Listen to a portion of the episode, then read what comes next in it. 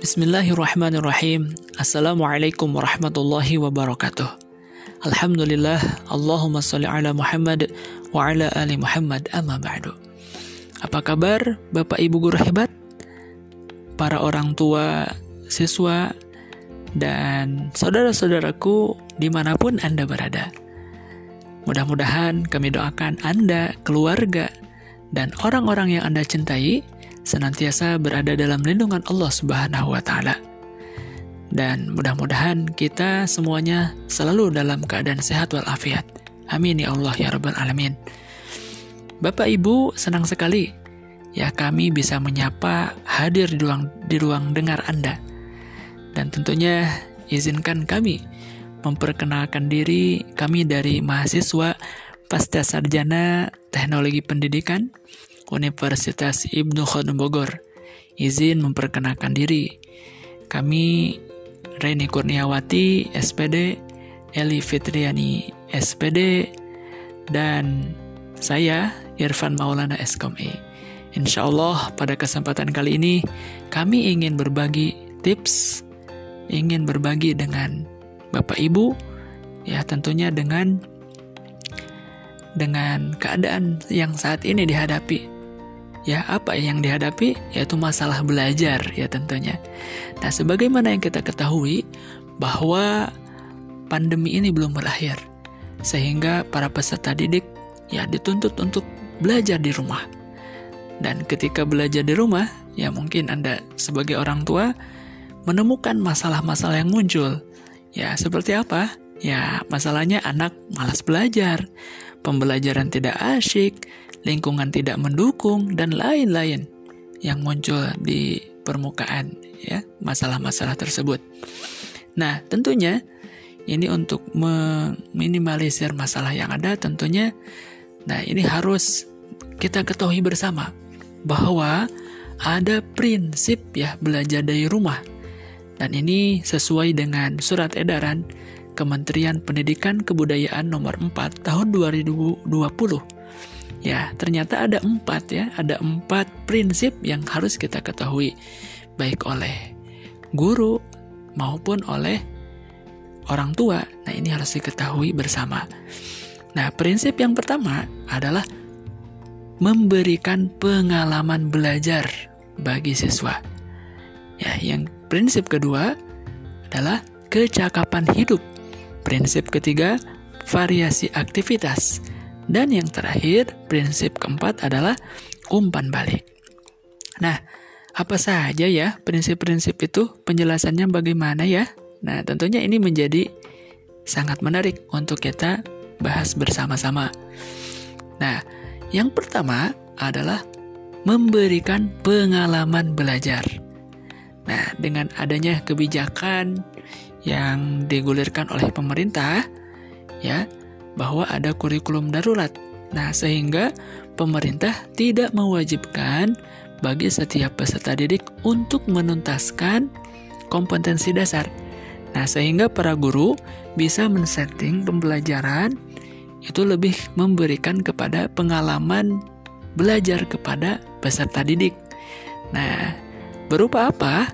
Nah, contohnya seperti menggambar, melatih keterampilan, membuat prakarya.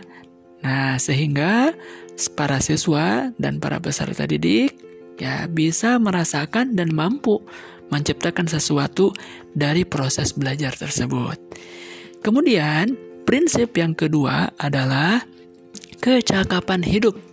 Nah, cakap hidup atau life skill ini bisa berupa kegiatan ya, membantu orang tua, ya seperti mencuci piring, mengepel, memasak, dan lain-lain. Dan tentunya ini diintegrasikan dengan pembelajaran yang ada di di sekolah. Nah, Bapak Ibu ya sebagai guru, nah ini bisa mengintegrasikan ya dengan prinsip yang kedua ini supaya anak-anak pun ya di rumah bisa membantu orang tuanya memiliki life skill ya memiliki life skill membantu orang tuanya menuntaskan pekerjaan-pekerjaan ya ke rumah tanggaan. Ya, di samping itu sebagai latihan mereka dan ini juga bisa melatih kemandirian mereka, kedisiplinan mereka ya saat di rumah. Kemudian, prinsip yang ketiga adalah memberikan variasi aktivitas bagi peserta didik. Nah, peserta didik diberikan variasi. Tujuannya untuk apa? Ya, tujuannya supaya para peserta didik tidak hanya fokus pada menyelesaikan tugas atau mengerjakan modul-modul saja. Akan tetapi, dengan adanya variasi aktivitas ini, anak-anak senang moodnya kembali muncul. Ya, contohnya seperti apa? Contohnya, ya para peserta didik diberikan ya sebuah proyek, membuat proyek siswa, ya kemudian mengenal lebih dalam lagi lingkungan di rumah, ya lingkungan sekitar, dan yang lebih penting lagi adalah ini mengasah minat bakat mereka. Ya supaya apa? Supaya mereka pun kenal terhadap diri mereka sendiri ya. Nah, ini adalah variasi aktivitas ya, baik bisa dilakukan juga secara online ya dengan adanya misalkan games edukasi. Kemudian juga bisa dilakukan secara sinkronus ya atau tatap muka bertemu dengan gurunya ya di di apa di media online. Nah, ini dilakukan berbagai macam variasi ya dengan adanya media yang sekarang kita bisa uh, ketahui dan bisa kita manfaatkan, insya Allah ya kiranya kita melakukan pembelajaran ini bisa uh, banyak sekali aktivitas-aktivitas yang kita berikan untuk para peserta didik kita. Dan yang terakhir adalah nah umpan balik. Nah ini yang paling penting. Nah bagi bapak ibu Nah, tentunya untuk Bapak Ibu sebagai tenaga pendidik ya untuk mengetahui ya umpan balik ini ternyata sangat penting.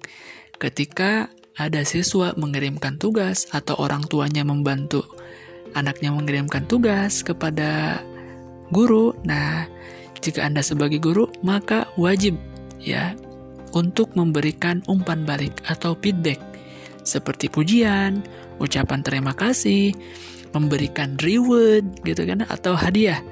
Nah, umpan balik ini juga dilakukan oleh guru kepada orang tua ya dalam menjalin komunikasi yang baik ya antara guru dan orang tua sehingga mereka bersama-sama ya bersama-sama menjalankan uh, aktivitas pembelajaran jarak jauh ini sehingga bisa terjalin komunikasi yang baik. Nah, Bapak Ibu guru, dan orang tua hebat yang dirahmati Allah Subhanahu wa taala dengan memahami prinsip-prinsip ini insya Allah ya pembelajaran asik dan menyenangkan bisa di kita bisa kita gapai bersama yaitu memberikan pengalaman belajar, kecakapan hidup, variasi aktivitas dan umpan balik yang diberikan kepada para siswa kita insya Allah ini akan baik dilakukan. Demikian yang bisa kami sampaikan. Mohon maaf atas kekurangan dan khilafan.